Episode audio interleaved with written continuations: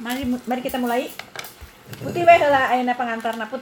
Naon dongeng. Se, se, se, udah seberapa jauh terpapar sih Beb? Eh, terpapar corona jangan deh. terpapar cinta agak berat. Am dari nol aja karena Dari ini nol supaya ah, tahu. Oh, iya. Ya jadi saya tuh em, apa namanya em, punya eh, very good colleague lah waktu saya kerja di Bank Dunia ya, Ibu Claudia Rox. Nah dia tuh ahli gizi, Heeh. ahli gizi internasional lah pokoknya Ah. kerja udah banyak di banyak negara segala macam kayak gitu. Terus udah gitu eh, dia memang eh, passionnya tuh terhadap community health ya, Ya. jadi community nutrition lah Ah, ah. pada dasarnya. Dan dia itu eh, me- me- merasa gitu ya bahwa eh, permasalahan malnutrisi itu Ah, eh, itu kan berdampak besar terhadap satu negara terutama dia mempengaruhi perkembangan ekonomi Iya, dan long sebagainya term. long Iya, term kan mm-mm. jadi eh, padahal Indonesia itu kan salah satu negara yang stuntingnya itu tinggi sekali di atas 30% Iya. kan ya 37. Nah, Iya. karena itu eh, dia itu eh, merasa bahwa em, dengan program-program yang dari pusat kayak gitu-gitu itu ya memang harus ada eh, apanya eh, eh, push dari pemerintah, Iya. tapi untuk supaya sampai ke grassroots itu memang harus ada gerakan effort dari bawah Ha. juga gitu, bukan hanya Hmm. kebijakan-kebijakan dari pusat aja. Jadi harus pelaksanaannya di lapangan seperti apa. Nah, jadi si Claudia ini dia uh, memutuskan uh, untuk karena dia udah lama di Bank Dunianya tuh uh, hampir sejak dia jadi konsultan sampai jadi staff tuh udah hampir 30 tahun lah total-totalnya. Uh, dia tuh merasa dia mau pensiun dini aja karena dia ingin lebih ke arah uh, menerapkan Iya. sebagai implementer lah Hmm, gitu hmm. operations dari uh, program-program yang uh, menanggulangi malnutrisi di kalangan masyarakat nggak lagi policy lewat Iya, iya. pemerintah Hmm. lewat Bank Dunia gitu kan nah dia uh, uh, sesudah pensiun ini dia kemudian membentuk satu uh, apa namanya eh, NGO atau foundation bukan NGO membentuk NGO yang namanya Heights and Minds jadi dia me- menunjukkan hubungan antar stunting itu kan Iya, cirinya antara ya. lain tingginya nggak sesuai Pendek. dengan standar ya jadi dia bilang organisasinya itu heights and minds, jadi ah, hubungan yang erat antara tinggi badan dengan perkembangan otak lah. Ah, ah. Maka namanya or, or- or- apa foundationnya itu heights and minds. Nah dia tuh uh, mulai mencobakan gitu, bagaimana menerapkan uh, apa yang apa uh, dia kan melihat dari berbagai negara Ya, ah, pengalaman-pengalaman. banyak sekali gitu tantangannya untuk menerapkan pendekatan ini di masyarakat. Seperti di Indonesia misalnya posyandu kan gitu Ah, ah. kan ya. Posyandu itu kan sebenarnya pos gizi dulunya Betul. dan Ah, dia ah. itu Nimbang. tujuannya heeh, pos timbang, tujuannya untuk meningkatkan itu apa juga awareness, Ah, ah. juga uh, apa namanya behavior yang cocok dan sebagainya. Tapi kan kemudian karena negara yang massive ini besarnya, Ah, ah. posyandu itu kan jadi kebijakan yang semua orang harus bikin, Ah, terus ah, udah ah, gitu jadi quantity mengalahkan quality lah Iya, pada dasarnya. iya. Padahal kita juga tahu bahwa posyandu itu kan hanya meeting satu bulan sekali Iya. dan terus udah gitu bergantung pada kader-kader yang Betul. susah ininya Ah. ditingkatkan kemampuannya, interaksinya. Padahal kan untuk meningkatkan gizi itu komunikasi kan yang Iya, betul. penting. Kalau dia datang cuman sebulan sekali terus diberi interaksi yang kualitasnya juga hanya sekedarnya kadarnya.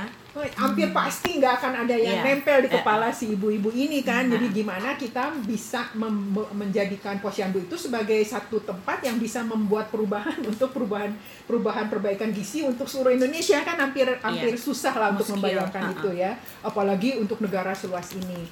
Nah, jadi dia menyobakan satu pendekatan eh, sementara ini di Senegal. Mm-mm. di Senegal dan memang di periurban ya di Mm-mm. sekitar satu lagi di satu di Dakar satu lagi di mana lah gitu lupa lagi. Nah jadi dia itu em, bekerja sama dengan eh, NGO lokal sebenarnya. Dia bekerja sama dengan NGO lokal terus dia eh, membuat semacam em, satu tempat ya eh, di mana eh, tempat itu eh, menjadi milik dari masyarakat itu misalnya sekitar 4.000 keluarga lah gitu dari 4.000 keluarga itu kan yang kira-kira eh, apa namanya punya anak yang eh, eh, antara seribu seribu hari kehidupan tuh antara hamil dengan umur 2 tahun itu kira-kira seribu keluarga lah kira-kira Seribu anak. seribu keluarga yang punya Nah, punya oh, seribu keluarga. anak. seribu keluarga Keluarga punya anak. Eh, Oke. eh, Oke. termasuk golongan yang punya anak Mm-mm. uh, di anak atau sedang hamil gitu. Hmm, Nah, dia membuat hari. satu tempat yang kira-kira itulah ininya apa coveragenya.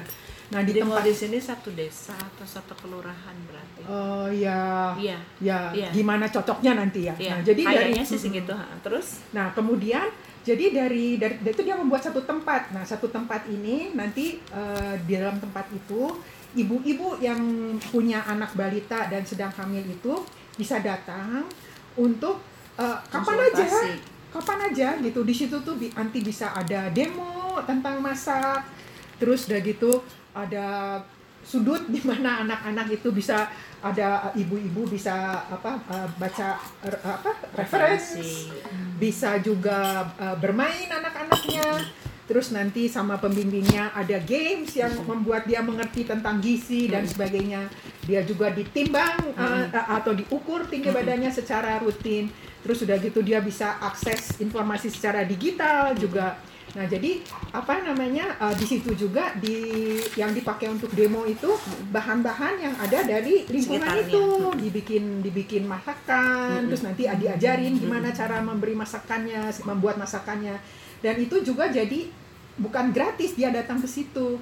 Jadi dia itu eh, nggak nggak pakai murah ya nggak murah eh nggak mahal ya ininya dia jual tapi snack snack yang dia bikin dari lokal lokal itu terus dia jual di situ untuk apa Yang bikinnya si anggota ke masyarakat. enggak nanti di tiap eh, nanti dibilangnya satu satu tempat itu kalau di sana bilangnya minds up Mm-mm. Eh, up minds bukan minds. Up Up Minds, up ah. minds. Jadi ada yang namanya manager of up minds itu jadi bilang moms gitu ya kalau untuk istilahnya.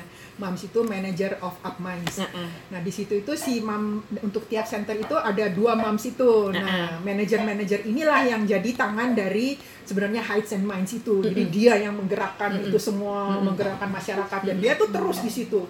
Nah jadi harapkan eh, dengan menjual terus udah gitu ibu datang nih minum kayak gini atau minum soy apa gitu dia bayar sedikit aja uang. Nah uang itu diharapkan jadi uh, untuk Seed operating money. cost operating cost. Mem- seed money awal-awal pasti Dari dapat dari. Heights and. Minds dia akan uh, bayar uh, dia akan untuk koneksi internetnya beli equipment beli untuk perada beli semua dari Heights and Minds Foundation ini. Tapi nanti lama kelamaan uh, sudah dua tahun saya saya nanti nggak tahu lah persisnya gimana ya nanti uh, diharapkan dia bisa running dengan apa yang dia Iya, hasilkan dari self-sufficient self sufficient nantinya lama-lama walaupun Heights and Mind untuk yang uh, yang besar-besarnya tetap akan uh, mereka dukung. Nah, diharapkan nanti satu di situ, nanti ada di tempat lain lagi. Pokoknya itu men- mementingkan kualitas gitu jadinya. Betul. Nggak lagi cuman hit and run aja. Dan spesifik sesuai dengan daerahnya. Dan Oke. apa namanya? Ki- ibu itu bukan lagi jadi hanya objek, tapi dia sebetulnya Mengambil aktif keputusan. dia aktif mencari informasi. Saya perlu datang ke uh, tempat moms ini, minds up ini. Saya perlu da- up minds ini. Saya mau datang karena saya mendapat sesuatu. Jadi dia kapan aja datang. Terus ada anaknya nggak mau makan. Jadi datang ke situ. Tanya. Gimana nih? Uh-uh. Gimana anak saya begini gini? Iya. Terus gimana? Nanti dihitung gimana kalau gitulah. Uh-uh. Jadi pada dasarnya ya apa komunikasinya itu jadi lebih uh, personal, lebih lebih nggak apa-apa sih. Lebih ini suaranya keras Sama, jadi lebih aja. lebih intensif. Jadi supaya uh, ada dampaknya Hmm. kepada si ibu itu untuk uh, pertumbuhan anaknya. Nah Hmm. kalau dia tuh ingin karena dia melihat dia tuh cinta sekali sama negara ini. Saya nggak tahu kenapa ya dari negara-negara lain yang dia kunjungi mungkin orang Belanda ya. Jadi Oh, orang Belanda. uh, dia Oh. pernah ngerasa merasa sedikit berdosa karena dia bolak balik bilang dari dari turunan saya dari atas atas nggak ada kok yang ikut perang di Indonesia.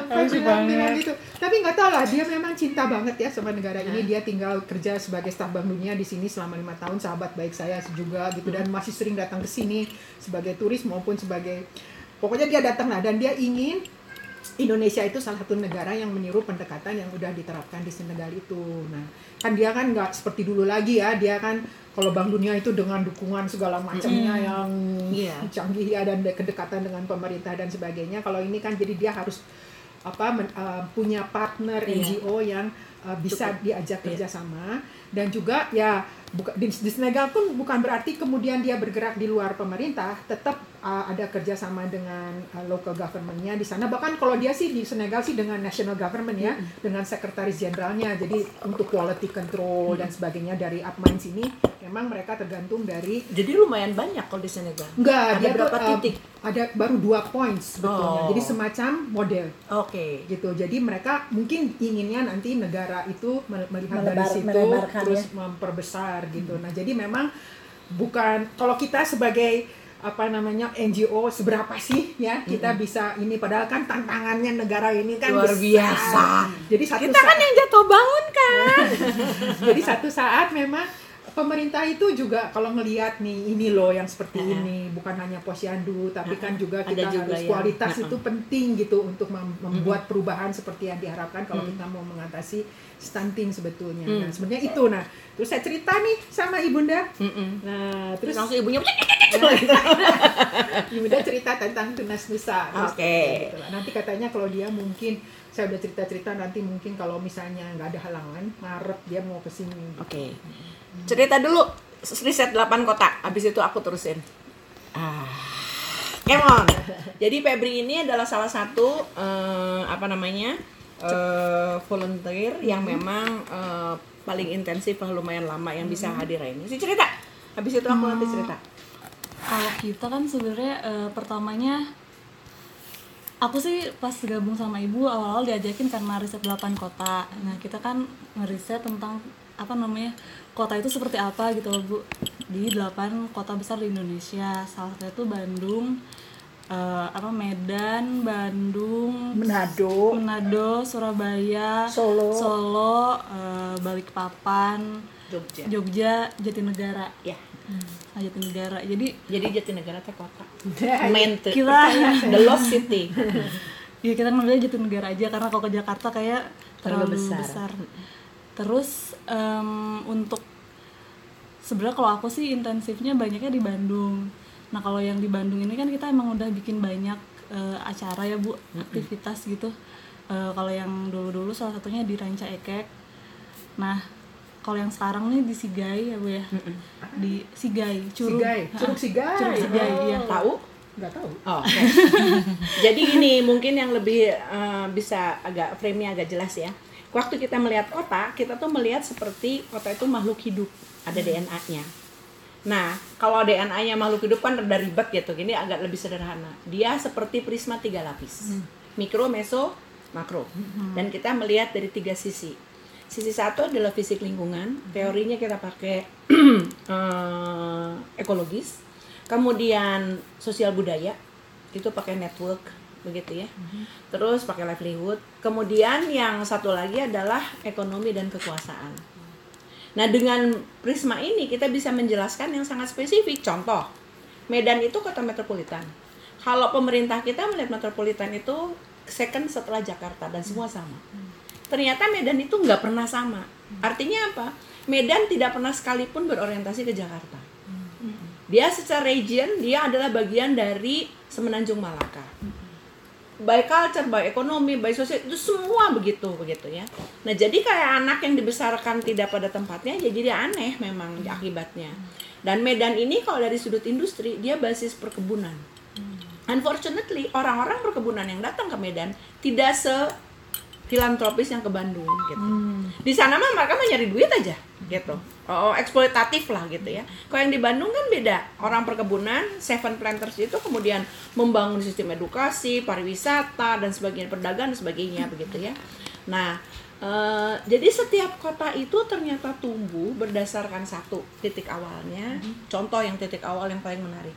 Manado itu berada di atas pertemuan tiga plates dunia. Jadi kekayaan alamnya itu kayak misalnya spesies di lautannya itu. Itu 70 sekian yang bangsa kerang-kerangan dunia ada di situ. Yang lainnya 47 yang ikan segala macam. Jadi kaya banget. Tapi sayang si pemerintah dan masyarakat lokalnya tidak paham itu sehingga masalah pertama yang dimunculkan adalah karena pemerintah mengambil keputusan untuk mereklamasi, membuat gila ya. jalan sepanjang itu Disaster. cross dari lima muara.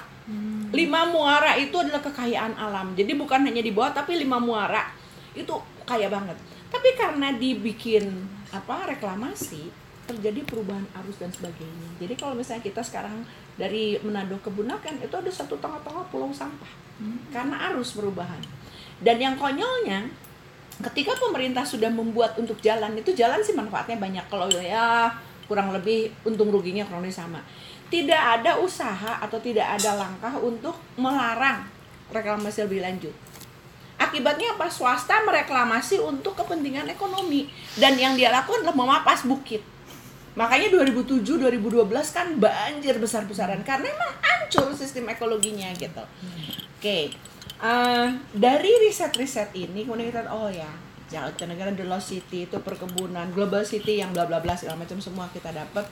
Balik papan adalah Doyle City yang decline begitu. Kemudian sekarang muncul lagi NK apa? eh, NKI ya Ibu Kota Negara Indonesia yang baru. Beda lagi ceritanya. Nah, terus kita nulis paper, ikut seminar, terus udah. Ternyata kita ngerasa useless juga. Kita mulai bikin konsep. Bandung kita temukan tantangannya dua. Ketahanan pangan dan ketahanan air. Kenapa karena urbanisasi ini uncontrollable. Kenapa begitu? Karena Bandung teh juga neneng gelis gitu. Emang alamnya pertamanya dibikin oleh secara filantropis itu untuk tempat ini apa namanya bersenang-senang. Kemudian karena karena si filantropis bikin sekolah bikin segala macam oh, bagus ya. Jadikanlah ibu kota Hindia Belanda kan? Dirancang lah. Ini adalah kota salah satu yang pertama yang dirancang secara dengan teknologi dan pengetahuan Belanda pada saat itu yang ingin bersaing di ranah Eropa the first garden city in Asia gitu. Jadi emang ini bagus banget begitu. Tadinya mah. tadinya mah. Direncanakan itu pada saat itu penduduknya sekitar 370-an dan maksimum 700-an sekarang 3 jutaan. Urbanisasinya benar-benar uncontrollable. Posisinya kan dia seperti mangkok. Dia di dasar mangkok. Kaki bukit tadinya sumber pangan. Serang sama makhluk-makhluk selesai dong. 90% makanan untuk kota Bandung datang dari luar karena indahnya itu wisata permukiman naik ke atas bukit yang adalah konservasi air jadi itu persoalannya terus kita pikir mau, mau diserang di tengah eh, pasti riuh kan orang Bandung menyinyir begitu ya emang karakternya rewel tidak mau tunduk tindak turun tangan oke kita minggir aja jadi kita bikin satu konsep peri urban jadi tadi Teh Putih bilang peri urban gitu, ah, Pas pisan nih, ya. pas gitu ya. Kenapa peri urban? Ada dua teori tentang peri urban. Yang satu menyatakan bahwa peri urban adalah wilayah pengembangan kota yang tidak terencana. Akibatnya akan ada gap infrastruktur, ada kegoncangan sosial, kegambangan gantian profesi, um, mm, nilai-nilai yang berubah dan sebagainya. Ini rupanya teori yang dipakai oleh pemerintah Indonesia. Jadi treatmentnya adalah perbaikan kampung infrastruktur infrastruktur, menyambungkan infrastruktur. Ada teori lain yang lebih positif. Dikatakanlah bahwa periurban adalah wilayah harapan untuk ketahanan pangan. Kenapa? Karena dia antara sumber pangan yang adalah pedesaan, kan by definisi bedanya kota teh adalah kawasan permukiman yang basisnya non pertanian. Berarti uh memang pertanian di situ. Definisi harus kita benerin. Nah, di periurban itu wilayah dekat ke kota artinya dari bandingan desa aksesnya dekat yang kedua kulturnya mereka masih banyak yang biasa bertani. Infrastrukturnya masih ada sisa-sisa. Lahannya masih ada sisa-sisa. Jadi memang periurban dianggap oleh yang positivis ini adalah wilayah harapan. Itu yang kita ambil konsep ini. Nah, kemudian karena kebetulan adanya tanah di Rancaekek, ini saya harus jujur ya, kebetulan. Ya udah Rancaekek aja. Tapi ternyata waktu itu maksudnya tidak salah kita memilih itu. Karena pada saat yang sama Bandung menetapkan wilayah timur sebagai wilayah pengembangan. Jadi dekat gitu ya. Nah, kita coba nih di Rancaekek 2013. Kan siapa sih kita?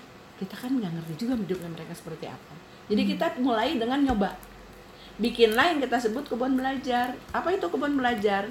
Satu upaya yang kita lakukan adalah pertanian intensif yang memperbaiki kualitas lingkungan, membuat satu komoditas yang punya nilai ekonomi lebih. Karena pada umumnya petani itu menjual lahannya karena secara ekonomi sudah tidak ekonomis lagi gitu. Jadi kita mulai dengan memperbaiki air, memperbaiki tanah. Nah, yang sampah semua. yang sampah semua. Dan behaviornya tuh semua orang membuang sampah di pinggir jalan. Aduh serem deh. Nah udah nih ceritanya. 2013 kita mulai dengan kebun belajar. Kebun belajar itu isinya adalah uji coba kita tentang SRI SRI itu adalah eh, menanam padi tanpa pupuk kimia tanpa eh, pestisida.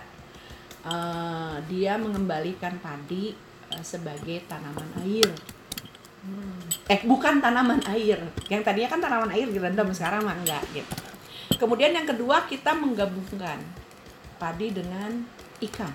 Karena wilayah Ranca Ekek tadinya adalah sentra ikan, padi, dan tenun. Yang semuanya sudah habis karena kebijakan. Gimana gabungan padi antara padi dan ikan teh? Padahal Mina katanya- padi, Mina padi kan Mina padi, memang Mina itu padi kan ada model dari pertanian kan dari Priangan itu secara kultur memang biasa menanam ikan Ada di balong di sawah. sawah. bukan balong, ikannya di Ah, sawah. iya ya Tapi katanya tadi bukan tanaman air.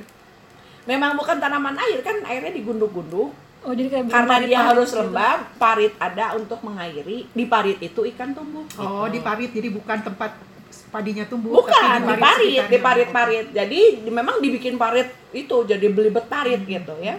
Nah ternyata untungnya apa dalam konteks penyediaan pangan? Tadinya petani itu hanya empat bulan sekali dapat padi, titik.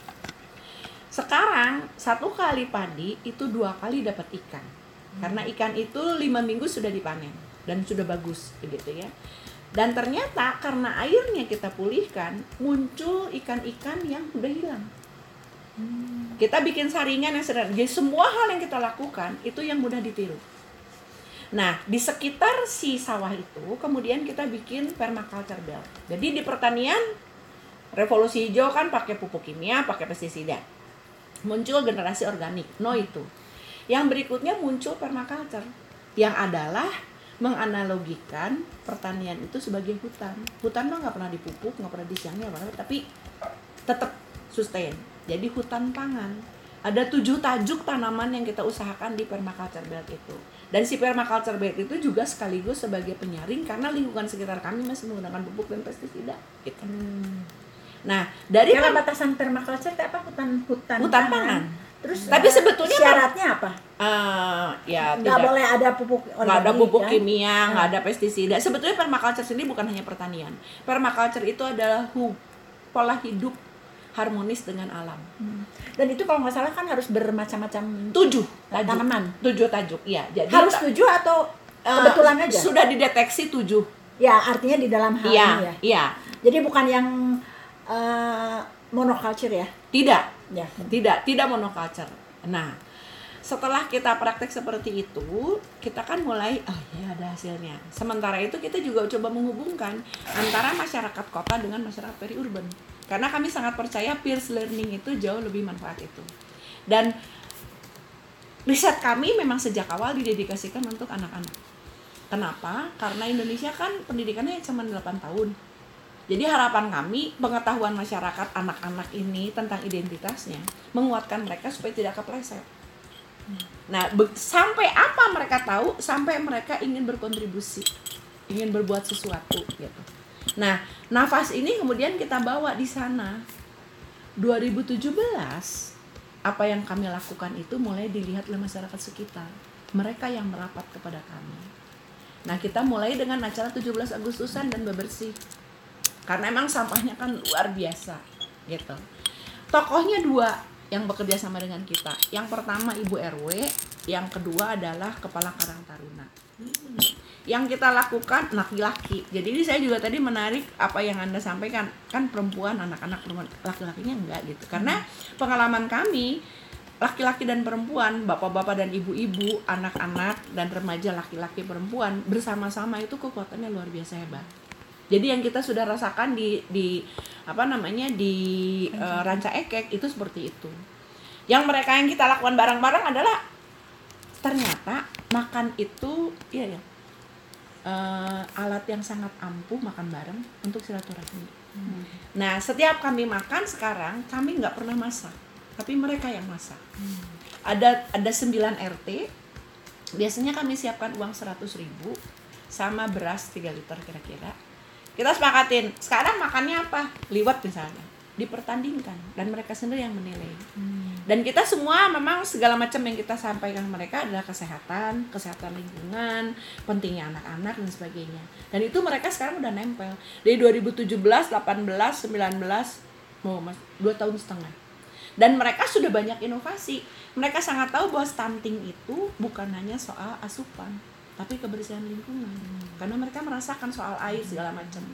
Jadi mereka banyak yang melakukan inovasi. Salah satu branding yang mereka bikin sendiri adalah lele jumping namanya. Itu adalah barongsai kepalanya bukan singa bukan kucing tapi lele.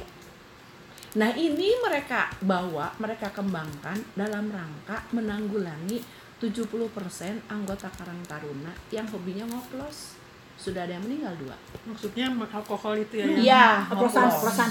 Nah, karena mereka senang duduk, ngobrol nggak ada kerjaan, ngoplos. Tapi begitu ada barongsai itu, pasti mesti berbaikan, mesti latihan, mesti belajar musik segala macem. Udah keburu capek sebelum ngoplos, sare gitu. Ngaliwat main itu bobo, udah. Jadi ceritanya begitu. Nah, pelajaran yang kami yang kami dapatkan banyak dari dari rekan Ranca Ekek, ternyata ini tuh penting komunikasi. Dan ini nih menurut saya untuk Indonesia luar biasa karena kami juga pakai ini untuk disigai, ya. Nah, yang mereka lakukan itu sekarang sudah luar biasa jauh lebih dari kita. Kalau dulu kan kita kan 17-an yuk gitu. Kalau sekarang mereka, "Bu, bersih-bersih yuk" gitu. Jadi dibalik posisinya teh. Dan kita juga ya yes, ya alhamdulillah banget gitu. Yang terakhir itu mereka kan bolak-balik ngebersihin saluran irigasi, kotor banget. Dan mereka melihat banyak banget pampers. Buat bu pampers aku mahal gitu. Saya cari kan di YouTube, banyak kan daur ulang pampers. Akhirnya saya pilih yang jadi pot. Karena kan relevan dengan penghijauan. Dan mereka sudah juga bikin pot-pot dari ban bekas gitu. Oke kang ini kang ada nih gini gini nih. Cok cobain gini gini gitu. Ya biasalah mereka kan pasti tidak punya karena susah ya hidupnya untuk beli semen saya kasih waktu itu 500 ribu. Itu untuk satu- 9 RT kan jadi tidak banyak kecil banget. Semen dan cat. Mereka bikin pampers itu dibikin pot. Bagus. Bagus. Dan bagus banget. Dan ibu-ibunya aku masih pampers pampers dicuci dibuang kotorannya. Diambil fibernya kan. diambil fibernya Oh. sama itunya sebagai pengaku. Oh, diceburin ke larutan semen. Hmm. dicetak jadi tiga pampers kalau yang berupa celana jadi yang bolongnya ketutup sama satu lagi kalau yang tidak celana beber jadi bisa besar gitu Apa ininya kalau dikasih pampers dibanding cuma semen doang apa? kan ada pengaku kan semen itu Pengaku apa sih? Eh, kayak batunya gitu loh. eh bukan kayak ram kawatnya Oh, jadi dia Ada frame. bentuk struktur, struktur. strukturnya Ya. strukturnya kalau by the way, itu kan sebenarnya pampers itu memang sangat polutif ya. Dan sebetulnya ada alternatif kan. Alternatifnya itu eh, yang bisa dicuci teh. Nah, tapi Teori. ternyata ternyata dalam prakteknya teori teori. Sulit, itu teori. Temen aku juga waktu itu pernah beli Nyoba. yang kayak gitu terus kayak aduh kata dia. Jadi harus riweuh gitu katanya. Jangankan ibu-ibu bapak-bapak yang kerjanya Balik buruh dan pengen instan segala macam sedangkan orang yang punya pengertian aja banyak yang menyerah. Karena memang suasananya seperti itu yes saya juga tidak muluk-muluk yang mungkin aja. Kan tadinya buat tubuh geleh. Cina. Ya katanya mau bersih sok daripada di, di suluk daripada di sungai diirigasi ya ya mau beli mana? Akhirnya ternyata mereka senang dan mulai. Jadi si dijual. enggak untuk mereka sendiri. Karena kan mereka sibuk dengan penanaman jadi as long as mereka punya semen dan cat mereka happy lah gitu. Jadi ya memang ada harus ada fresh money Jadi gitu yang ya. ditanam di dalam pot-potnya tuh bisa nanam apa aja? bebas sih tergantung besarnya pot. Oh, jadi Ini mau nanam mah- sayur-sayuran. iya daripada nanam beli plastik bentuk pot mereka bikin itu. Sama aja kan. Daripada beli pot mereka bikin dari eh, ban dan bekas bisa gitu bolak-balik ya. betul. Diisi lagi. iya nggak ada masalah. lagi. itu mah kan upcycling ya berkan recycling nah udah terakhir dia dapat penghargaan dari bupati sebagai pemuda lingkungan. Si Mbak yang Pak mabok-mabokan teh. Wah bukan papa dia mah nggak Si pernah tokohnya. mabok. tokohnya. Tokohnya ya mabok masih ada tapi ya lumayan berkurang lah.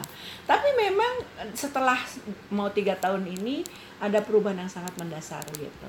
Nah eh oke sekarang balik ke si Tunas Nusa. Siapa Tunas Nusa? Tunas Nusa itu sebenarnya volunteer volunteer seperti ini anak-anak yang lagi cari sekolah dia bekerja freelance Eh, Mila itu sekarang mahasiswa S2 Ah, kenapa Mila saya ini ya? Yang- kenapa saya tarikin mereka? Karena saya tahu persis saya ngajar ya S1 Ini, eh, Bu, S2 ini. S3. hasilnya Tuh. pampers itu dari pampers Ini bikin dari dari pohon-pohon Pampers. bikin hias-hiasan Jadi tidak selalu pot untuk tanaman itu mereka kan Mana suka yang meng- mananya? ini yang hitam hitam. Oh, yang hitamnya. Oh, sugane nu harejo. Noelnya plastik kata mah. Oke, oke. Bagus bagus ada yang orange. coba ya Lucu ya? Lucu lucu lucu kok. Dan itu kan menjadi sangat yang mereka lakukan juga yang menarik apa coba? Ini apa namanya? Eh, botol plastik. Eh, kan "Eh, bu kita mau bikin ini eh, apa namanya jalan sehat oke adalah dari kita disiapin eh, door prize ya kang mereka ditarik pungutan nggak? Nggak tahu bu tarik jangan. Ditarik ya tapi jangan uang aku bilang. Apa bu? Itu aja. Setiap yang ikut bikin ekobrik Hmm. 10 ekobrik maka nanti saya jadi nak cek tanya. jadi anak gak usah mikirin oh ya siap cuma. Oke ekobriknya buat apa? Ya terserah Kang padi gitu. Sama dia dipakai si ekobriknya membatasi jalan tempat mereka akan lewat. Hmm. Lalu gitu bu gini aja bu nanti jalan sehatnya sambil pusuk bungut sampah ya boleh aku bilang jadi apa ya eh, Udah ada inisiatif ya? Iya, dan sudah dari kreatif eh, ya. snowballing gitu kan, gitu. Eh, terus eh, waktu kita summer camp contoh kan salah satu item di summer camp dengan ITB udah sepuluh ribu dapat apa? Belanja sepuluh ribu ibu dapat apa? Udah kan? Belanja sepuluh ribu ternyata cukup untuk makan dua kali kan? di posting di grup kan rame kan. Tah matak nage ulah belian wae mie instan. Langsung. Jadi diskusinya harus seperti itu gitu ya. Nah jadi memang si kebun belajar itu adalah laboratorium hidup tapi juga pertemuan antara anak-anak kota dan anak-anak daerah periurban antara Karang Taruna RW dengan mbak-mbak teteh-teteh mahasiswa begitu dan sampai dengan international conference sudah pernah ada di sana gitu ya sempat workshop untuk agri food ya. Hmm. agri food nah eh yang kami tawarkan kepada para relawan ini adalah network. Eh, kemudian satu institusi satu keluarga di mana mereka bisa curhat nggak ada urusan uang eh, bisa membangun idealisme dan mengembangkan lebih lanjut pengetahuan maupun pengalamannya yang tidak bisa diberikan di pekerjaan maupun di sekolah Gimana gimana? Ulang, Sama tunas nusa. ulang, ulang. ulang. kan kita nggak nggak bayar uang tapi apa yang mereka kita lakukan bersama-sama tidak sebisa-bisa tidak membebani mereka dengan biaya yang kita bisa berikan lah akses Hmm. Rekomendasi mau aku sampai bebas bisa rekomendasi yang mana? Mau nggak mau rekomendasi yang ke mana mau nggak? Sekolah pekerjaan rekomendasi siap gitu ya. Tapi juga kayak Febri ngajarin Mila. Mila dari arsitektur sekarang masuk sekolahnya di PWK planning blank. Ini di konsultan. Ini lagi ngerjain Pangandaran Kemang. Teman-temannya ngeceng-ngecengin kayak gitu. Jadi ada ada mekanisme peers gitu loh. Dan itu yang memang eh, kelihatannya oke. Nah setelah kebun belajar kita merasa tidak mungkin tidak ada mitranya di kota karena nilai produksi pangan yang sudah bagus itu tidak bisa dijual bagus kalau tidak ada mitranya di kota kita buatlah ini Nita urban naon? hub for change saya rencananya mau keluar dari rumah ini Ini. Iya ini, ini namanya Urban Hub for Change. Makanya di depan ada puyuh. Kenapa puyuh? Karena kami tahu keluarga-keluarga itu membutuhkan protein. Dan puyuh ini ternyata hasil uji coba terakhir kami 40 ekor, sekarang tinggal 34. Satu hari itu antara 22 sampai 27 butir telur. Hmm. Tidak ribut, tidak bau. Di Dibandingkan bawahnya ayam. dibandingkan ayam. Di bawahnya kita lagi nyoba BSF, Black Soldier Fly. Black Soldier Fly itu sejenis lalat bersih yang suka makanin sampah makanan. Larvanya berprotein sangat tinggi. Biasa dipakai pakan ternak, tapi di Eropa itu sudah mulai dibubuhkan dan menjadi cookies untuk manusia. Ternyata bisa dimakan. Saya belum. Masih gimana? Gimana gitu rasanya? Di bawahnya kita nyobain lele. Karena lele adalah makanan lokal. Jadi waktu itu pernah kita kerjasama sama seorang peneliti dokter, Ibu Dokter Eva.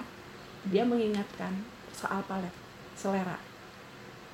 Buat kita jus sayur kan selalu kalau kebun jus sayur. Kita mah minum ah enak. Teman-teman kita itu naon bu? Buat mereka aneh gitu. Tapi begitu oh liwat gitu. Oh langsung tidak direncanakan tiba-tiba muncul eh, rendang jengkol gitu. Kayak gitu gitu lah ya. Itu kan terpaksa. Nah jadi eh, si apa dokter Eva itu mengingatkan oke stuntingnya harus kita selesaikan. Eh, kita memilih bisa contoh lah menggantikan produksi padi dengan sukun.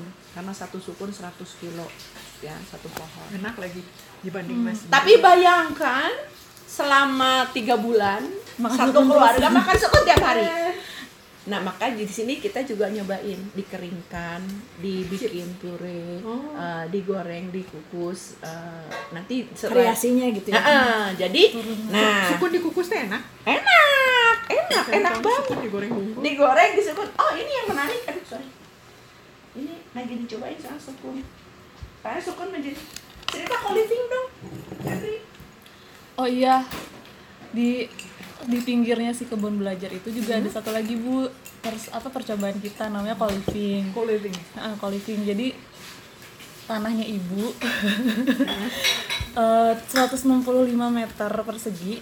Jadi gimana kita bikin desainnya itu dia untuk lima keluarga. Jadi ada lima bangunan ditumpuk eh untuk apa namanya hidup lima keluarga. Jadi sebenarnya co-living ini jatuhnya kayak sistem. Kita tuh bikin supaya si orang-orang di dalam situ tuh dia dapat eh, perannya masing-masing. Ada yang apa ngurusin bangunannya, terus juga ada yang ngurusin pertanian, ada yang ngurusin pengolahan makanan, sama Hmm, capacity building. Oh ya capacity building buat anak-anaknya. Karena kan eh, sekolah kita nggak mau nggak mutu. Kan kita tuh waktu itu percayanya kayak ya udah sekolah teh nggak usah jauh-jauh tapi gimana caranya supaya anak-anak yang di situ tuh meskipun sekolahnya dekat dia bisa dapet ilmunya tuh banyak gitu ya Bu ya? Skill apa soft skill gitu gitunya banyak. skill. Ha-ha. ini sukun digoreng terus di blender. Dan ini teksturnya persis seperti daging ayam cincang. Jadi kalau dibumbuin uh, pakai Bali itu pakai sereh itu kayaknya enak deh. Tapi ini next ya ini jadi pengolahan. Ini ini ini sukun kering dikeringkan sukun mentah dikeringkan ini hasil panen dari kebun belajar eh, pisang tanduk. Kan kalau satu pan satu kali panen kan banyak banget nih. Kan harus ada usaha untuk mengawetkan. Nah ini salah satu yang paling berhasil. Dia dalam keadaan mentah dan ini selera orang-orang kita kan. Pisang aroma. Ini bisa awet banget. Ini bisa, ya? tinggal digoreng sekarang kalau mau gitu ini eh, hasil panen lemon. Juga jeruk kata mah. emang jeruk? Lemon. Dan ini bisa dimasukin ke sini kemudian bisa langsung dibubuhkan. Ini begitu dikeringkan gini dan dibubuhkan punya nilai ekonomi yang jauh lebih tinggi. Dibikin sabun dibikin Sabun. iya fake saset ya karena kan ini dikering dibubuhkan.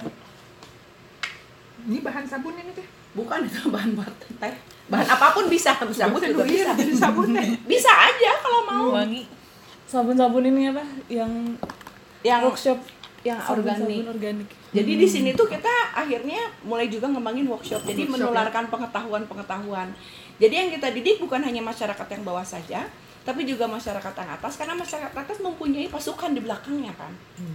Jadi snowballing efeknya itu eh, dari riset-riset ini kemudian masuk ke market-market yang memang bermacam-macam sehingga perubahannya terjadi terus-menerus gitu. Ya kan seperti itu. Yang co-living ini terus dia uh, di- uh, diharapkan apa tuh kan dia ada gimana caranya satu jadi community kecil gitu sebagai Iya. lima keluarga. Jadi gini bisa- dasarnya. Salah satu penjahat urbanisasi adalah perumahan permukiman. Hmm. Selama ini begitu dibangun rumah pasti sawahnya lengit, Ya. hutannya lengit. Sekarang gimana caranya rumahnya datang, produksi pertaniannya tetap ada. Itu itu apa namanya nafasnya co-living. Jadi 165 meter tanah kalau ditanamin padi dapat 66 kg beras satu tahun Hmm. diganti we satu pohon sukun selesai dong utangnya Hmm. nah sekarang rumah-rumah yang ada ternyata tidak efektif contoh rumah ini ini luasnya 258 penghuninya dua ekor manusia dan empat ekor kucing Hmm. sama sekali tidak efisien ini penjahat besar ini ya nah jadi sekarang kita bikin di 165 itu satu keluarga yang hidup bersama empat Lima keluarga. empat keluarga keluarga. dengan satu orang peneliti. Kenapa? Karena pendidikan kita tidak memaksa peneliti untuk merasakan living in. Karena nggak ada infrastrukturnya, nggak ada sistemnya. Nah, si yang living in ini kemudian memberikan pitch in kepada sistem 4 ini fresh money. Karena nggak akan pernah cukup. Nah, si 165 itu ada empat rumah tipe 21, tapi dengan 4, Empat meter. 4 meter tingginya. Sehingga ada mezanin Hmm. ini desain kami co-living untuk keluarga muda. Anak-anaknya usia sebelum akil balik. Tahun ini kita akan melakukan simulasi karena satu unit sudah terbangun. Kita akan coba empat keluarga quote by quote berfungsi untuk bertani di situ. Jadi hidupnya harus dari situ. Tanah dia yang 165 itu harus mendatangkan income buat dia gitu. Mendatangkan makanan kalau si petani. Bukan buat dirinya saja tapi untuk empat keluarga. Mm-mm. Nah, kita sudah pernah berhitung secara teoritis berapa sumbangan dari tanah yang tersedia. Dan pertanian kita kembangkan bukan hanya yang landed, puyuh, lele, belut, vertikal, pertanian pertemakan gitu ya Iya, eh, terus di bawah eh, di bawah tangga eh, rooftop. pokoknya semua space yang tidak ada Ah, orangnya Pokoknya iya, Harus gitu. manfaat ya. Ya, kemudian infrastrukturnya juga kita karena ber apa berniat untuk memperbaiki kondisi lingkungan, biodigester, kemudian composting, rainwater harvesting, daur ulang air. Jadi air dari kamar mandi akan dipakai disaring filter, dipakai untuk pertanian misalnya. Begitu. Rainwater disaring bisa dipakai untuk mandi cuci. Yang minum mungkin untuk dari air tanah yang baik. Gitu. Itu pun dengan filtrasi juga. Nah, hal-hal seperti itu kan tidak bisa dipegang oleh supaya efisien dibagi tugas. Yang satu bikin pertanian, yang satu ngolah pangan, yang satu ngurus infrastruktur, yang satu capacity building. Termasuk kita efisiensi televisi contohnya. Di sini ada common space, tidak semua rumah punya televisi. Satu televisi gede untuk main, nonton bareng, untuk belajar.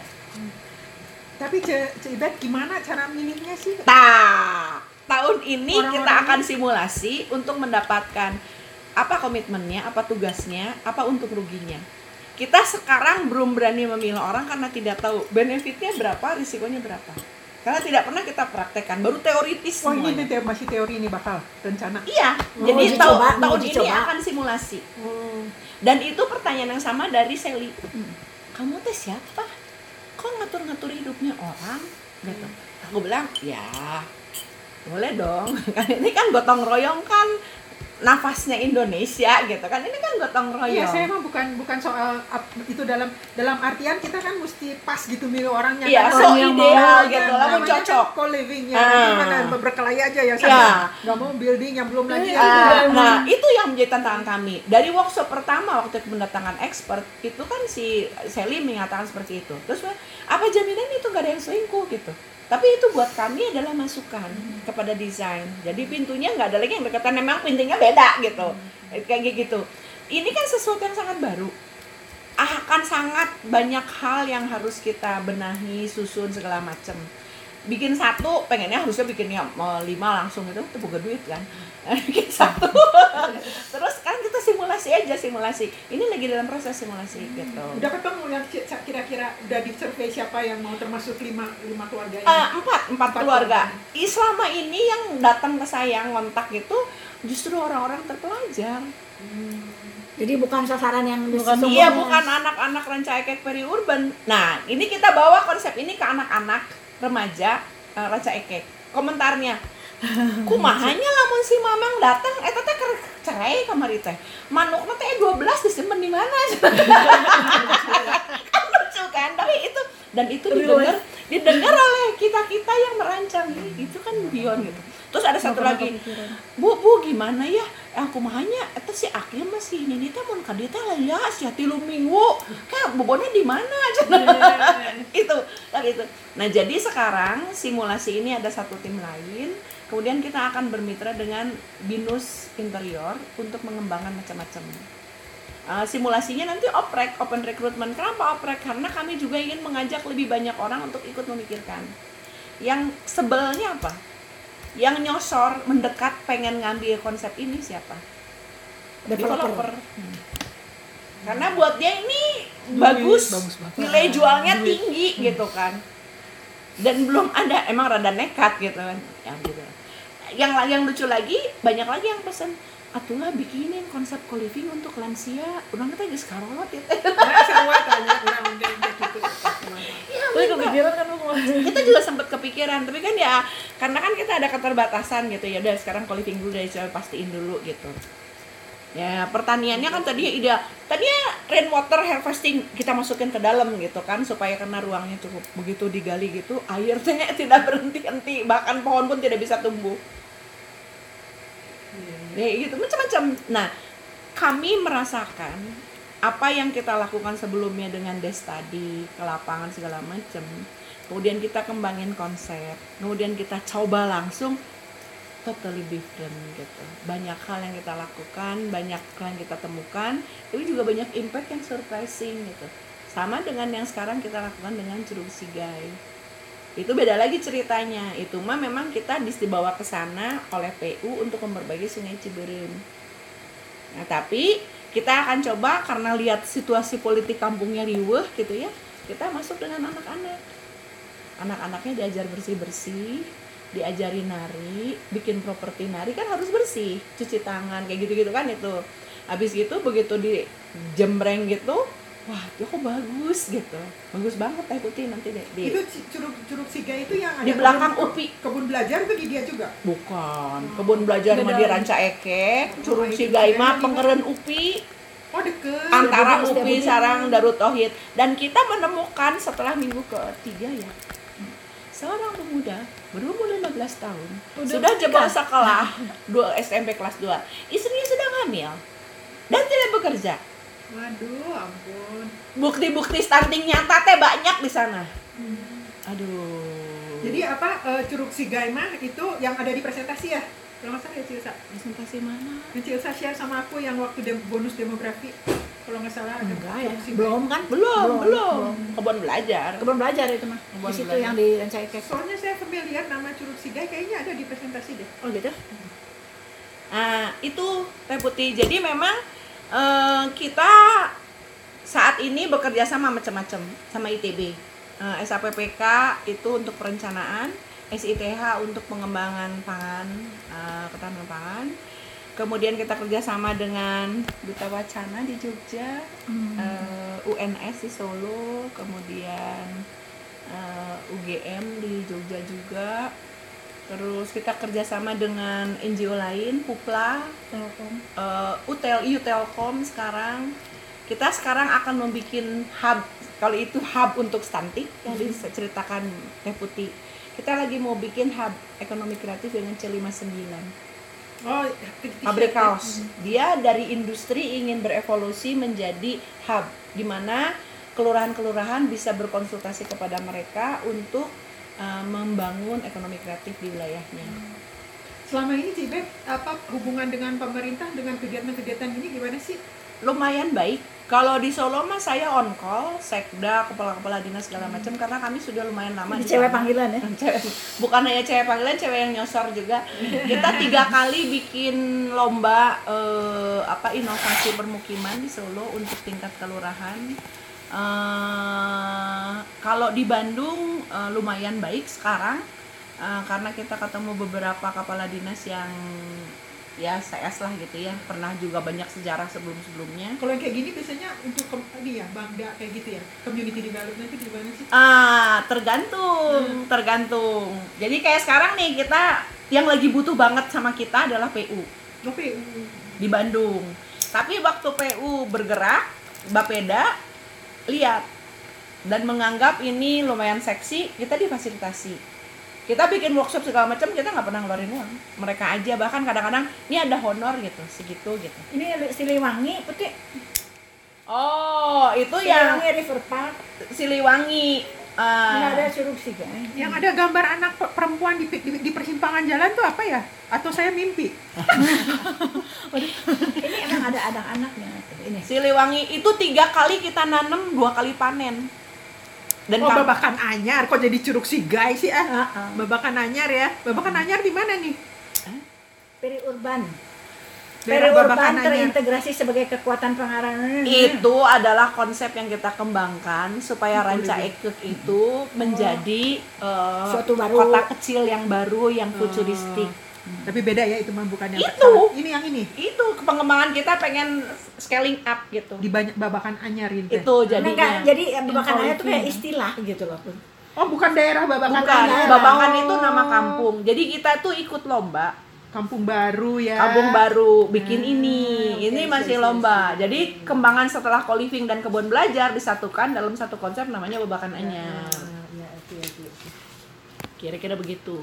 Itu tulisannya bisa sama Macil saja. Enggak, tapi saya punya lebih parah. Nah, kira-kira gitu Teh Putih. Jadi kalau emang memang tadi yang cerita Teh Putih ceritakan, emang kita juga sekarang sudah menyiapkan satu workshop untuk workshop itu tempat ya untuk masyarakat dan Kang Pandi dan Bu Tita itu mulai menggalang teman-temannya menanam tanaman pangan, menanam ikan gitu. Karena ada konflik. Jadi yang jagain kebun belajar itu namanya Pak Ewo itu kalau ada orang luar langsung "Uh," gitu. Takut. Nah takut ibu jatuh cinta sama orang lain gitu. Pokoknya dia saat posesif agresif gitu kan. Nah jadi saya siapin di tempat seberangnya si co-living agak Nah, ja- agak jauh agak distance sih. ah, jadi ini daerah daerah dia lah gitu. Jadi jadi ini mulai dan mulai. Cuman memang kelihatannya juga tidak mudah untuk mereka setting up satu unit gitu ya. Eh, mungkin butuh tambahan yang lain. Saya sendiri merasa juga overwhelmed karena konsentrasi tahun 2019 ke sini dan networking gitu. Di sana co-living relatif terbelakang. Jadi tahun ini tahun 2020 kita mau agak lebih eh, konsentrasi Intensif. bisa- dan kebun belajar harus self sufficient artinya dia harus menerima tetamu lebih banyak. Kan salah satu yang menghidupi dia itu adalah tetamu. Tetamunya adalah anak sekolah. Ketika tetamu datang sebetulnya nafas kita eh, konsep kita pesan kita disebarkan lebih luas tapi dia juga lebih kemungkinan self sufficient gitu. Kan kalau berasa hampir selalu ada sayur selalu selalu ada. Jadi kalau ada tamu kita tinggal nambah tambahnya nah uang sisanya itu bisa lebih itu selama ini kami menjadi berat untuk terima tamu karena kan ini teteh-tetehnya kan banyaknya akangnya di Bandung. Kalau ke sana tuh mobilisasinya susah dan tidak cocok gitu lah. Nah sekarang kita lagi merekrut orang baru orang lokal eh, ibu-ibu pengangguran untuk bareng sama kita mengembangkan itu. Jadi sekali lagi teh, jadi kalau eh, tamu-tamunya teh datang terus dia ngapain? Bayar uang? bayar uang eh, diajak jalan dari kereta api stasiun kereta api. Diceritain yang tadi cerita soal peri urban apa segala macam sejarah Bandung filantropis bla bla bla. Jadi waktu datang ke sana tuh mereka tahu bahwa ini teh adalah satu uji coba untuk ketahanan pangan dan air kemudian mereka keliling diceritain ini ini diceritain tanaman. Belajar Eh, menanam. belajar menanam boleh belajar panen boleh bikin pupuk boleh bikin bokasi boleh eh apa namanya daur ulang sampah boleh gitu. Jadi jadi biasanya teh jenis apa tamunya teh datang teh? macam-macam. Dari yang PAUD sampai pensiunan sampai keluarga eh, alumni asrama sekolah gitu. Terus dari mana informasi tahu dia tentang Eh. tentang? Oh, ya pakai Facebook. Oh, pakai Facebook Instagram. Oh. kita nggak sampai nolak-nolak tamu. Eh, kalau datang pagi sampai jam 2 jam 3 itu teh 100.000 ribu satu orang. Dapat satu kali makan eh, dua kali snack dapat dua kali workshop. Plus ongkos kereta api. Dua kali workshop? Sehari. misalnya iya. Misalnya workshop nanam. Kan cepet cek nanam. Oh iya, iya. Eh, yang satu nanam. Abis itu eh, abis itu eh, main kardus atau main plastik gitu. Itu dua kali workshop kan. Satu di kebun satu di itu sambil penjelasan gitu. Nah itu teh itu teh disepakati sebelumnya? Sepakati sebelumnya nah apa programnya? Iya, gitu? kelemahan kami adalah ruang kami terbatas dan kami tidak mau eh, mereka terlantar. Jadi maksimum kalau yang tidak menginap 30 orang. Itu banyak sekali hambatan karena sekolah-sekolah umumnya kan 100 ke mana di karungan masukkan ke irigasi gitu. Nah ada lagi yang menginap. Kalau menginap lebih dalam biasa ada diskusinya. Kemudian kita jalan-jalan ke sekitarnya. Kalau menginap itu maksimum kita bisa nerima 15 orang. Bayar? 250 ribu. Rata-rata orang tuh kepingin men men men- men- ini mengembangkan di tempat dia atau banyak yang begitu terus disuruh datang ke Jogja. Nggak mau aku nyalir Banyak banget ya. banyak.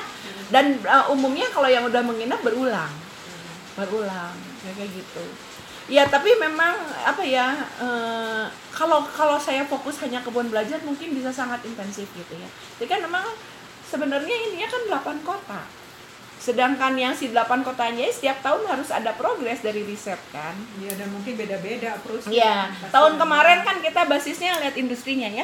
Jadi kita menemukan masing-masing industri ini Mila yang bikin Balikpapan kemarin industri oil. Kok bisa sih Balikpapan itu tumbuh karena industri oil gitu? Mila nih ahlinya gitu. Jadi masing-masing itu. Dan biasanya setelah bikin apa substansi, bikin paper deh ikut gitu. Jadi si portonya masing-masing anak ini juga meningkat gitu. Tapi kalau kata teh eh, Ivet yang kayak gini teh mungkin gak sih diterapin yang yang saya cerita-cerita tadi? Bisa, aku mau udah langsung kepikiran gimana caranya kok. Jadi kalau Bisa kalau- survive gitu, bisa bisa. kebayang kayak gitu. eh, apa nih Mi? Eh, ranca ekek ya itu akan kebayang kalau kita lakukan di workshop. Di si workshop yang sudah ada. Itu kan memang tempatnya kami secara hak tanah segala macam aman.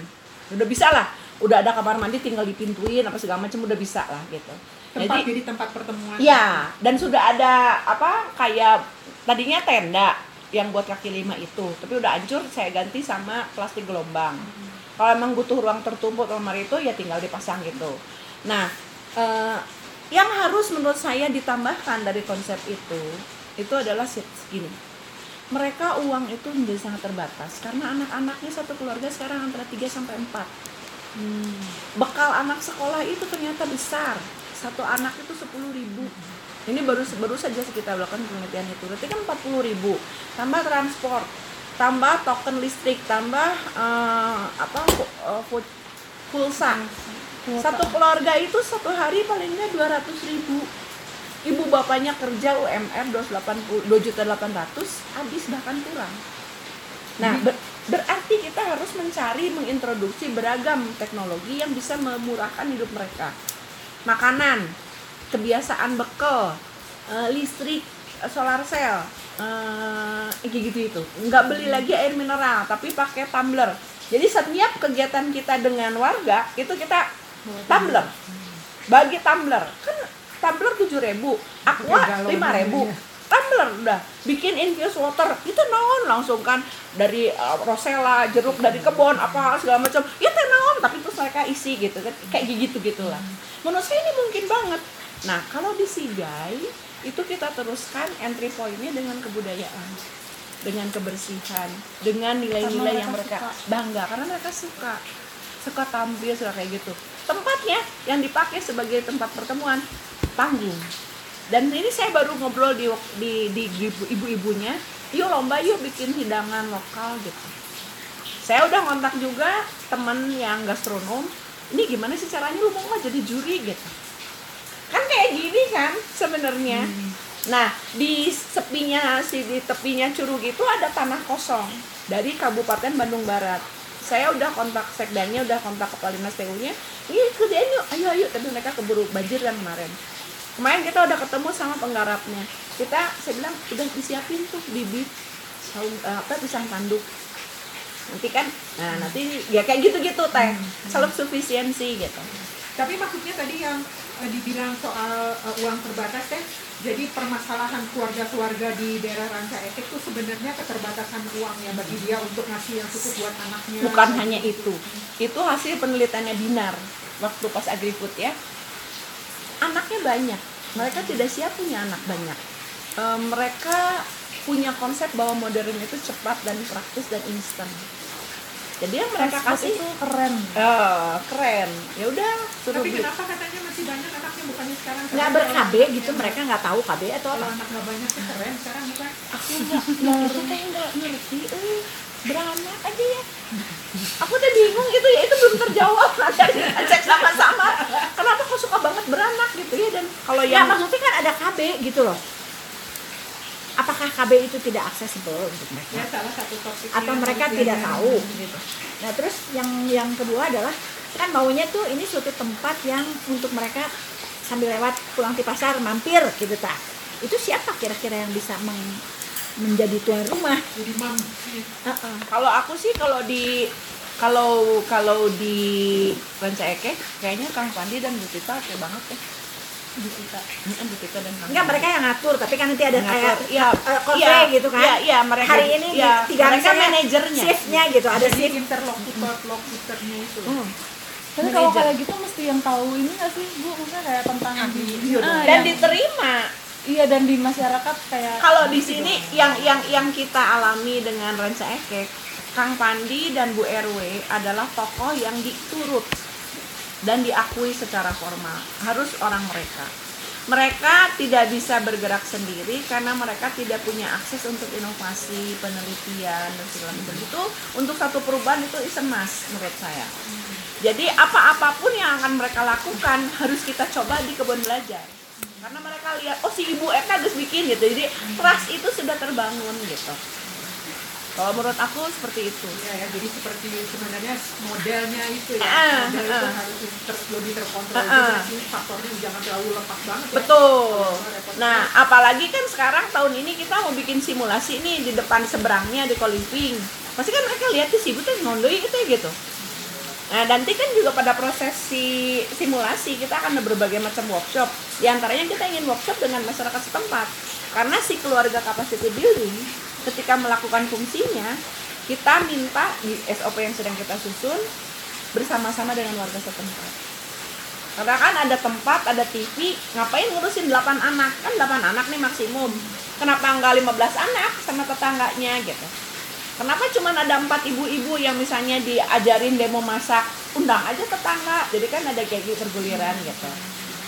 Jadi dan ada ada ada peneliti kan di psikoliving nantinya gitu kan. Jadi fresh fresh blood bukan hanya money tapi juga knowledge Ide-ide. dan ya, oh, gitu. eh dan di situ tuh kan kalau nggak salah ya Ranca Ekek itu kan eh, banyak pabrik ya Heeh. jadi buruh-buruh pabrik itu ada nggak sih yang akses dari dari Tunas Nusa ke ke komunitas buruh-buruh pabrik anaknya Pak Ewo tuh semua buruh. Jadi secara Oh, memang lokal di situ sekitar Iya, itu banyak iya, ya iya. Secara personal kita berhubungan dan banyak dari anggota Karang Taruna yang buruh pabrik. soalnya itu juga ini sekali loh Enggak, dan jadi maksudnya kalau buruh pabrik itu kan kita tahu mereka kerja terus begitu anaknya siapa yang ngurusin Ya, anaknya. gimana Anaknya. gimana perawatannya Ah, boro-boro, anaknya. Iya, mana. makanya kan makannya mie, mie instan. iya makanya jadi jadi kan maksud aku isu itu juga bisa menjadi suatu operational issue tentang bagaimana mensejahterakan keluarga buruh pabrik gitu loh itu loh maksudnya eh, kan bisa kalau misalnya sudah dilakukan dalam waktu tertentu disampaikan pada pabrik-pabrik sekitar ini loh supaya ibunya dapat ibunya dapat